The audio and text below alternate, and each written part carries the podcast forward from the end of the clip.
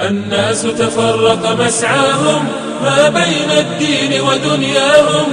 برز التاريخ بألوان لعقائد سارت ترعاهم. لعقائد سارت ترعاهم. خلل نحل شتى ظهرت وطريق الجنة بغياهم ورد الداعون مناهلها واختار الناس مشاردهم الناس تفرق مسعاهم ما بين الدين ودنياهم. برز التاريخ بألوان لعقائد سارت ترعاهم. لعقائد سارت ترعاهم.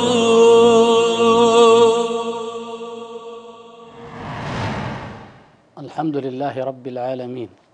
الرحمن الرحيم. مالك يوم الدين. وصلى الله وسلم وبارك على عبده ورسوله محمد وعلى سائر أنبيائه المختارين المصطفين. أما بعد أيها الإخوة فلا زال الحديث عن تاريخ النبوة لا عن تاريخ الأنبياء كما أشرنا من قبل. الغرض هو النبوة ومكانة النبوة. وبعد ذلك بإذن الله تبارك وتعالى نعود إلى الوراء ونستعرض سير أو ما وقع من أحداث لبعض الأنبياء صلوات الله وسلامه عليه. وإنما الغرض الآن هو بيان مقام ودرجة النبوة في الفكر الكتابي أو في العقائد الكتابية المحرفة. وقد تقدم في اللقاء الماضي ما يتعلق بنوح عليه السلام وبلوط عليهما السلام وأشرنا إلى ما فيهما من محاولة واضحة وإفك وافتراء ترمي هذه المحاولة إلى تحقير وتدنيس وتنجيس الشعوب المعادية لبني إسرائيل في ذلك الوقت. بمعنى أن المحرفين الكهنة الذين حرفوا كتاب الله تبارك وتعالى حرفوه بناء على نزعة عنصرية شعوبية. لكن العجب وهذا ما نراه الآن في هذه الحلقة أننا عندما ننتقل إلى التاريخ الإسرائيلي نفسه يعني إلى موسى عليه السلام وهارون عليه السلام ومن بعدهم نجد أن النزعة لا تزال موجودة والهدف موجود لكن لا بشكل آخر أو بشكل يستهدف الشعوب الأخرى ولكن بشكل شيطاني يستهدف تحقير أو تنقيص درجة هؤلاء الأنبياء باعتبار أنهم كهنة أو شبه كهنة لغرض شيطاني آخر وهو الهبوط إلى مستوى النفوس الشهوانية المحط المادية المنحطة التي لا ترتقي أبدا إلى درجة الأنبياء. ومن هنا فيكون التاريخ المتعلق بأنبياء بني إسرائيل هو حقيقة حطا وتهوينا من شأنهم ومن قدرهم في معظم الكتاب. فتصبح كل الأخطاء التي يرتكبها الكهنة أو الأحبار أو المشعوذون وكل النوازع البشرية الشريرة أو الخبيثة من تعظيم الدنيا أو حبها أو حب أو كراهية الخلق أو العداوة للبشر وما أشبه ذلك كلها كأنها كأنها أو يريدون أن يجعلوها تستند إلى تاريخ الأنبياء نفسه. فليس هناك يعني شيء من شيء مقدس. الكلام هذا الذي نقوله الآن ليس افتراضا. طبعا قضية نظرة الكتبة الذين والأحبار الذين كتبوا العهد القديم أو التوراة وما بعده وعقيدتهم ونفسيتهم وما أشبه ذلك. في الحقيقة يعني خضعت لدراسات طويلة جدا من علماء النفس وعلماء الاجتماع من القديم والحديث. حتى أن فرويد صاحب مدرسة التحليل النفسي المشهور وغيره من اليهود ولا يزال الآن نعوم الشمك وغيرهم من اليهود هم بأنفسهم يعني يحارون أو يحاولون أن يفسروا هذا المنحى النفسي الذي وجد في تلك النفسية اليهودية. يعني بمعنى آخر القضية ليست سامية ولا سامية. نحن في منهجنا الإسلامي نرفض الشعوبية والعنصرية والقومية بأي شكل وتحت أي اسم. ولكن القضية هي قضية أن هناك من لم يؤمن حقيقة بالأنبياء الذين أرسلهم الله تبارك وتعالى إلى بني إسرائيل وإنما تزندق ولذلك نجد الحافظ ابن كثير رحمة الله عليه وغيره يقولون هذا من وضع زنادقة أهل الكتاب. تزندقوا أو نافقوا فأدخلوا في الكتب ما ليس منها مع نح مع احتفاظنا الدائم وذكر الإخوة الله يحفظهم الإخوة المشاهدين دائما نذكرهم بأن عقيدتنا وإيماننا بأن من قوم موسى أمة يهدون بالحق وبه يعدلون وأنهم أن أن أن ال- ال- ال- الجيل المؤمن استمر وأنهم في كل ما كل ما كل مرة يبعث إليهم نبي يجدد لهم الإيمان فهناك منهم المؤمنون ومنهم الفاسقون وكما ذكر الله سبحانه وتعالى عن كل الأمم وحتى في هذه الأمة وحتى في هذه الملة الإسلامية هناك من هو على الجادة المستقيمة وهناك من ينحرف.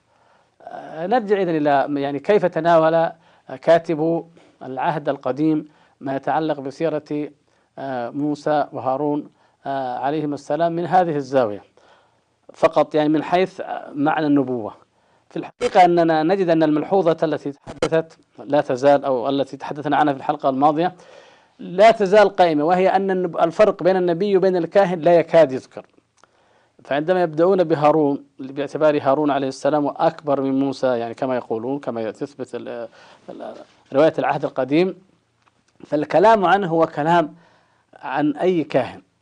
وأخذ الوراثة آه، الكهنة أخذها ب يعني مرتبة الكهنة أخذها باعتبار السن ثم بقيت وراثة في ذريته من بعده وهم اللاويون فهم كهان. لا نكاد نجد ذكرا للنبوة بل لم نجد ذكرا لنبوته. يعني بخلاف ما نجده واضحا جليا في القرآن الكريم بأن الله تبارك وتعالى أكرم نبيه موسى عليه السلام ورحمه بأن جعل معه, معه أخاه هارون نبيا فهما نبيان كريمان ويتلقيان من الله تبارك وتعالى. والله عز وجل يعني يثبتهما بأنه معهما يسمع ويرى ويسدد خطواتهما مرة بعد مرة وهذا ما لا نكاد أن نرى له أثرا إلا في بعض الأحداث التي يذكرها يريدها العهد القديم. لكن أصل نبوة هارون عليه السلام لا نقول فقط أنهم لم يثبتوها بل ذكروا ما ينافيها منافاة آه، مطلقة. وهو قولهم إن الله سبحانه وتعالى عندما أراد أن يخاطب موسى عليه السلام وذهب بقومه وكان الموعد ثلاثين ليلة فاستبطأه قومه فحدثت إشكالية أنه استبطأ القوم وحدثت إشكالية أخرى وهي أن بني إسرائيل جمعوا من الحلي ومن الذهب آه، ما ردموه وجعلوه في حفرة فاستطاع السامري أو يعني فلنرجع إلى كلامي في الحقيقة. هم ينسبون ذلك إلى بص- بصراحة إلى هارون أن هارون عليه السلام استجاب لبني إسرائيل وصنع لهم عجلا. يعني نص نص ما جاء في الخروج سفر الخروج صنع هارون عجل الذهب وبنى له مذبحا. فكأن هو الذي صنع هذا وبنى له مذبحا وجعل بني إسرائيل يعبدونه ورضي بأن يعبد من دون الله تبارك وتعالى. وهذا إفك مبين. وهنا نجد يعني أننا لابد أن نشير إلى أمر أو قضية مهمة جدا أو أو عدة قضايا في الحقيقة، القضية الأولى أن هذا الموضوع من أهم الموضوعات التي يمكن لطلاب العقيدة وطلاب البحوث التاريخية وحتى طلاب الأدب أن يقارنوا وينظروا ما بين السمو والايمان والاسلوب في كل ال- ال- الق- القضايا ما بين القرآن الكريم وما بين هذه الكتب ال- ال- المحرفة. والأمر الآخر هو أو القضية الثانية أننا نستطيع أننا نتأكد تماما من ماذا ينظر هؤلاء اليهود وكيف ينظر أهل الكتاب بالفعل إلى أنبيائهم وإذا كان هذا الكلام عن أعاظم الأنبياء فماذا سيكون الحديث فيما بعد؟ يعني إذا كانت هذا إذا كان العبادة الأصنام أو أو إقرارها أو بل بل صناعة ال- الأصنام نفسها إذا كان ذلك يفعله الأنبياء فماذا يمكن يفعل فيما بعد؟ ولماذا لماذا ينكرون على من حرف فيما في يعني من اليهود فيما بعد في تاريخهم الطويل؟ يعني يعني هناك إذا قضايا لابد أن تستوقفنا ونحن نتعرض لمثل هذا وهي قضايا كثيرة نأتي إن شاء الله فيما بعد على بعضها. لنذكر فقط هنا نقول بأن القضية عندما تأتي آه، مسألة الأنبياء أو ما أشبههم وهي تأتي عن اليهود أنفسهم فانظر ماذا يقول المسلمون هناك جانب آخر أعظم من هذه وهو إذا كان النبي صلى الله عليه وسلم عندهم هم أنه هو الذي الذي قال القرآن أو كتبه أو أملاه يعني وضعه. وحاشاه من ذلك صلوات الله وسلامه عليه. يعني أي عدو يريد أن يعادي اليهود عدو من أعداء اليهود ويجد في كتبهم ما يحط من قدرهم وما يحط من قدر أنبيائهم وإلى آخره. فلماذا يكلف نفسه وهم يعادونه ويحاربونه ويؤذونه؟ لماذا يكلف نفسه أن يرفع درجتهم وأن يأتي بغير ما في كتبهم وأن يمجد من من هم يحقرونه؟ يعني قدواتهم ونماذجهم. مفضل لديهم لماذا هو يرفعها ويقدرها؟ إلا أن هذا وحي من الله تبارك وتعالى. وما عنده علم اللهم صل وسلم عليه. أبدا. ولا كان يتلو من قبله من كتاب ولا كان يخطه بيمينه ولم يطلع على أشياء على يعني ما, ما, ما يبرئ أولئك الأقوام. لأن هذه النسخ القديمة من العهد القديم وغيره هي التي كانت موجودة في أيام النبي صلى الله عليه وسلم في التاريخ القديم. ومن أين له أن ما أن هذا لم يكن كذلك؟ يعني قصة في تأتي في القرآن عجيبة جدا من أعظم وأروع القصة القرآنية التي تأخذ بمجامع الألباب والعقول في مضامينها وفي أسلوبها وتأتي في التوراة بهذا الشكل. فإذا كان هذا الذي يعاديه اليهود ويؤذونه وحاولوا قتله يأتي مثل هذه المعاني العظيمة عن عن أنبيائهم. إذا هذا النبي صلى الله صلى الله وسلم عليه وهذه الأمة التي من بعده ليست شعوبية ولا عنصرية ولا تنظر من زاوية سامية ولا سامية وإنما تنظر إلى الحق من حيث هو حق من حيث هو وحي من عند الله تبارك وتعالى. فنجد يعني بإيجاز أن الله تبارك وتعالى اختار موسى عليه السلام واصطفاه واجتباه وأوحى إليه ووعده للميقات. وكان الميقات ثلاثين ليلة نعم ولكن الله تبارك وتعالى يقول أتممناها بعشر فتم ميقات ربه أربعين ليلة. فتم الميقات من عند الله تبارك وتعالى أربعين ليلة واختار معه صفوة من قومه. وعند ذلك عند غيابه دخل الشيطان إلى تلك القلوب النفوس المريضة التي لا تزال حديثة عهد بالوثنية وبالشرك والتي تعبد الذهب وأشربت في قلوبها حب الذهب وحب الطمع فيه وهم فئة فئة من بني إسرائيل ولا نقول جميعا. لا في القديم ولا في الحديث وإنما فئة منهم هذه هذه نفسيتها. ف لكن طبعا الجيل الأخير غلب ذلك على أكثره. المقصود أنه يعني هذه الفئة هي التي بين الله سبحانه وتعالى أنه ليس هارون عليه السلام إنما رجل ثالث رجل ضال هو السامري والآن اليهود منذ منذ قديم. إلى الآن لا يتنجس أحد منهم يقول لا ينجس فمه بأن ينطق كلمة سامري. لا, لا يذكر كلمة السامري حتى على لسانه حتى لا ينجس فمه بذلك كما يزعمون. فيعادونهم أشد العداء.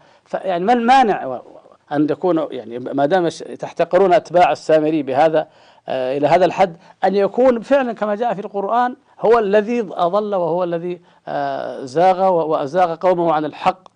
المهم هذا السامري عندما قبض قبضة من أثر الرسول الملكي وجبريل عليه السلام ورماها على على الذهب فيعني الله سبحانه وتعالى بحكمته عز وجل كون منها أو أو صار يعني وكأنما هو يعني له خوار. حتى إن ابن عباس رضي الله تعالى عنه يقول والله ما تكلم العجل قط. وكما ذكر الله تعالى لا يكلمهم ولا يهديهم سبيلا. قال ما تكلم قط ولكن كان له يخرج من فمه يدخل من فمه ويخرج من دبره. المقصود فتنة. هارون عليه السلام يقف بكل قوة في هذا الموقف العصيب الرهيب.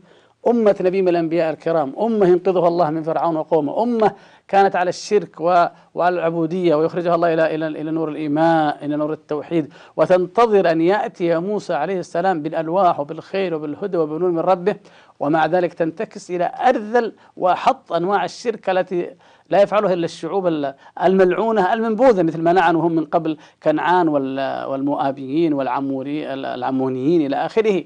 يعني يعني إذا إذا إذا عبد هؤلاء الأصنام مثل ما عبد هؤلاء إذا أي قيمة لهذه الأمة بعد ذلك؟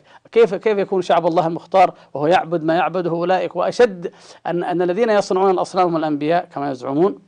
المقصود أن فهارون عليه السلام يقول يا قوم إنما فتنتم به. يعني هذه فتنة هذه فتنة. وإن ربكم الرحمن تبارك وتعالى ويبذل جهدا عظيما معهم كما بين الله تبارك وتعالى لأن يهتدوا ولكنهم أصروا أن يظلوا عليه عاكفين وأن يظلوا يعبدوه حتى يرجع عليهم موسى. طبعا يرجع موسى عليه السلام فيفاجأ أن الله تعالى أخبره بذلك يفاجأ بهذا الحدث الرهيب فيلقي الألواح الألواح التي فيها ما كتب الله تبارك وتعالى له من الموعظة والحكمة والشريعة ألقاها من الغضب وأخذ برأس أخيه يجر إليه. يعني كان هذا الموقف العجيب من من ومن أعجب قصص القرآن يعني و- وعلى قوله انه الأكبر فالاصغر يجر برأس الأكبر وبلحيته برأسه وبلحيته ويقول كيف يحصل هذا؟ إنكار شديد لأن يقع الشرك وإنكار شديد لأن يقر ويصر هارون عليه السلام أنه لم يقر ذلك وأنهم غلبوه وأنهم يعني ضيقوا عليه الخناق ولا ولا يدري لا احتار يخشى أن يأخذ من آمن معه من بني إسرائيل ويلحق موسى عليه السلام إلى الجبل فيكون قد فرق بينهم وحاول وظل ينصح حتى جاء موسى عليه السلام. يعني هذا بموجز يعني يعني ال- ال- الفرق كبير جدا ما بين هذه النظرة القرآنية السامية العالية هذه النظرة الإسلامية للأنبياء صلوات الله وسلامه عليهم وبين ما يصف اليهود به أنبيائهم طب هل اكتفوا بهذا؟ لا بل يقولون كما في آه، آه، سفر العدد ونقله صاحب قاموس الكتاب المقدس يقول وكانت آخر أخطائه أنه لم يقدس الرب أمام بني إسرائيل لا هو ولا موسى. يعني يعني يعني لا تزال الأخطاء مستمرة ولا يزال أنه لم يقدس الله تعالى الله عن ذلك كما يقول هو وإياه. فعاقبهم الله تبارك وتعالى بأن لا يدخلا فلسطين. يعني جعل من يدخل الأرض المقدسة هو يوشع. الفتى أو غلام موسى عليه السلام ولا موسى ولا هارون في نظر الكاتب آه، المحرف أن ذلك عقوبة من الله فلا يدخلا الأرض المباركة لأنه عصي الله تبارك وتعالى. ثم يعني يعني أهم شيء أبرز ما عندهم في في قصة هارون أنه أسس الكهانة يعني كما يقولون فأصبحت الكهانة اللاوية وهو هو أول رئيس كهنة في نظرهم وأصبح بقي الكهان اللاويين أو الليفيين كما ينطق الآن في العصر الحاضر ليفي أو لاوي. يعني في نسله فلا يكون كاهن من بني إسرائيل إلا من نسل هارون. هذا ما يتعلق أو شيء إشارة إلى ما يتعلق بهارون عليه السلام. آه، في الحقيقة هناك آه، قضايا أعجب من هذا فيما بعد وأكثر أو ربما أكثر إيلاما في بعض الجوانب. وهو أنه أعظم أنبيائهم فيما بعد ذلك هو آه، هما داود وسليمان عليهما السلام. قبل أن نتحدث عن داود عليه السلام نتحدث عن أمر خطير وعجيب في نفس الوقت. كيف يعني نسبوه؟ إلى من ينتسب داود عليه السلام؟ نسبوه إلى امرأة تسمى رحاب. رحاب كلمة عبرية قريبة من نفس المعنى العربي يعني معنى رحاب رحاب. أو رحاب. هذه امرأة يقولون في في في التوراة في العهد القديم إنها امرأة زانية ويذكرون حيالها وما, وما صنعت من أحابيل من أجل آه، بني إسرائيل أو جوسوسين من بني إسرائيل. المقصود هذه المرأة الزانية يقولون إنها تزوجها أحد أصباط يهوذا فصارت ضمن سلسلة نسب الملك داود. الملك داود. لاحظوا لا يقول النبي. هو ملك عندهم. فمن من سلسلة هذه المرأة الزانية من من ذرارتها من من سلالتها من ذريتها جاء الملك داود. إلى هنا هذا الذي يقشعر منه البدن لكن العجيب أيضا جدا جدا أن يقولوا ثم بالتالي أصبحت في سلسلة نسب الرب يسوع. يعني آه كما في إنجيل متى هم ينسبون ال- المسيح عليه السلام أنه من ذرية داود. ومع ذلك فهو رب كما يقولون. طيب. ثم بعد ذلك إيش؟ تصبح هذه المرأة الزانية هي ال- الأم أو الجدة لكلا الأنبياء هؤلاء. يعني لداود إذا فهي أيضا لجدة وأم لمن؟ لسليمان. ثم أيضا للمسيح عليه السلام. شناعة أن هؤلاء الأنبياء الكرام ينتسبون أو يتسلسلون من امرأة زانية والعياذ بالله. هذا كلام مرفوض. وكما قلنا بالحلقة الماضية يعني, ك يعني نحن يعني ننزه الأنبياء عن هذا. وكان يجب على على شراح هذا ال- ال- الكتاب وعلى من يكتبون عنه في دائرة المعارف الكتابية أو في القواميس المعاجم المتعلقة بالكتاب أن ينفوا نفيا قاطعا هذا الكلام وأن يقولوا إنه محرف وأنه باطل وأنه مقحم وأنه مضاف. هذا ما نعتقد ونجزم به لأنه لا يمكن أبدا أن يكون الأنبياء صلوات الله وسلامه عليهم إلا من من سلالة من ذرية آه، طاهرة يعني أرحاما وأصلابا حتى يبعث الله تبارك وتعالى من يبعث منهم. على أي حال لم يعني لم يقف الأمر عند عند هذا وإنما أيضا نجد أن في آه، سفر النبي هوشع وهو عندهم السفر الثامن والعشرين من الثامن والعشرون من الكتاب من العهد القديم هو أول الأنب- ال- ال- الأنبياء الصغار كما يسمونهم. نجد أيضا أن آه، آه، الرب كما يزعمون يأمر هوشع أن يتزوج من فلانة الزانية. وعند عندئذ نجد هناك نوع من التفسيرات. لأول مرة كأنهم آه، استغربوا يعني لماذا استغربوا؟ لأنه يعني كيف يأمر الرب بأن يتزوج نبي من زانية وهم يقولون إن ماذا؟ إن الشريعة, الشريعة التي جاءت في في آه، في آه، ال- على موسى عليه السلام يعني في الأسفار الخمسة الأولى الشريعة تحرم أن يتزوج الكهنة من الزواني. طبعا يعني مشكلة لازلنا إيش؟ انه يوشع كاهن مع أنه يقولوا نبي ومع ذلك يعني باعتباره كاهن لا يجوز يتزوج من الزانية ليس فقط لأنه نبي. فلاحظ أيضا الخلط بين بين مقام النبوة ومقام الكهانة ولاحظ أنه باعتباره كاهنا يحرم عليه لكن باعتباره نبيا لم يأبه به. الشاهد إنه أخذوا يأولونها يعني فكيف يأمر الله النبي؟ قالوا احد أحد التأويلات أن هذه مجرد رؤيا وحلم لم يقع. التأويل الثاني أنه هذه يعني يعني حقيقة وأنها ت- درس للبشر وإلى آخره. الأمر أو التأويل الثالث أن أن يعني هذا النبي يعني ما كان يعلم أنها زانية كأنه خ- خبر عن عن من لم يقع أو أن امرأته صارت كما يقول بالنص أن المرأة زنت بعد الزواج والعياذ بالله. يعني على أي حال على أي تأويل من تأويلاتهم فهي فاحشة وهي منكر يجب أن نرفضه في تصورنا الإسلامي. إذا هذا ما يتعلق ب يعني تدنيسهم لنسب الأنبياء صلوات الله وسلامه عليهم وتستمر هذه السلسلة من الشناعات عندما نأتي إلى نبي الله داود عليه السلام. وكيف جاء منه ال- ال- النبي المصطفى الآخر المختار وهو سليمان عليه السلام. أيضا قصة شنيعة يفتريها هؤلاء ال- المحرفون. يقولون إن قائدا كان في جيش داود عليه السلام الملك يسمونه الملك داود وهو عنده مجرد ملك. الملك داود كان لديه قائد يدعى أوريا الحثي من الجنس الحثي. أوريا الحثي كانت له زوجة جميلة تسمى بت شبع. بت شبع يعني هي تحريف لبنت الشبع آه، لبنت اليوم السابع. يعني بنت السابع يحرفونها بالعبرية بت شبع. المهم فهذه بت شبع كانت على آه، قدر كبير من الجمال. يفترون آه، خيالات وحكايات يعني داود عليه السلام اطلع عليها على عورتها اطلع من سطح البيت اطلع فرأى جمالها إلى افتراءات المهم فوجدها رآها وهي تغتسل فتأم فأعجب بجمالها حاشاه من ذلك. فأرسل قائد القائد أوريا الحثي أرسله يعني في كل معركة يقحمه في المقدمة حتى يقتل فبالفعل قتل.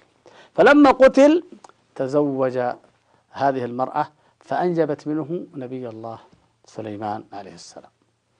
أيضا قصة يقشعر منها البدن وهي شنيعة ومع الأسف الشديد أن الشراح نحن لا نتكلم فقط عن مجرد الم- المحرف لكن نتكلم عن الشراح كيف يرضون مثل هذا الكلام ويقولون بالنص في في كتاب آه، آه، قاموس الكتاب المقدس يقولون وقد ارتكب داود خطيئته الشنيعة ضد أوري الحثي أثناء حربه مع العموني ثم يقولون بعد ذلك ومع أن داود ارتكب في بعض الأحيان خطايا يندى لها الجبين خجلا إلا أننا إذا نظرنا إليه يعني بمعنى آخر أن أن أن يعني هذه التعابير ال- ال- ال- أو هذه النظرة الشنيعة عنه تجد في النهاية إذا أردت أن تكون أو تشكل شخصية داود عليه السلام من التوراة من أسفارهم ماذا نجده أنه ملك فلا يذكرون نبوته إلا أنه أنه ملك محارب ومقاتل وملك طيب الأمر الآخر أنه فعل هذه الشنائع والأخطاء؟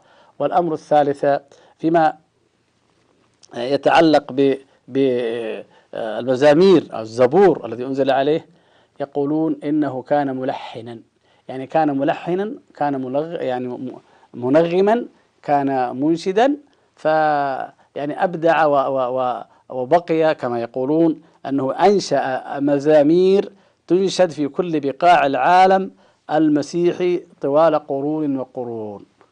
فهو فهو رجل يعني شاعر مبدع وملحن أنشأ يعني هذه النغمات الروحانية التي يسمونها المزامير ويتغنم ويترنم بها ويذكرون في عند في أول مزمور يذكرونه يعني هل هو منه أو من أحد أتباعه وكيف نغمته أو كيف يعني يذكرك أحيانا بما في كتاب الأغاني عن كيفية النغمات لأبي الفرج الأصبهاني. الشاهد فيعني هو في نظرهم يعني لا يعدو أنه ملك وأنه محارب مقاتل وأنه رجل يعني شهواني حاشاه من ذلك تجعل شهوته يرتكب هذه الموبقات.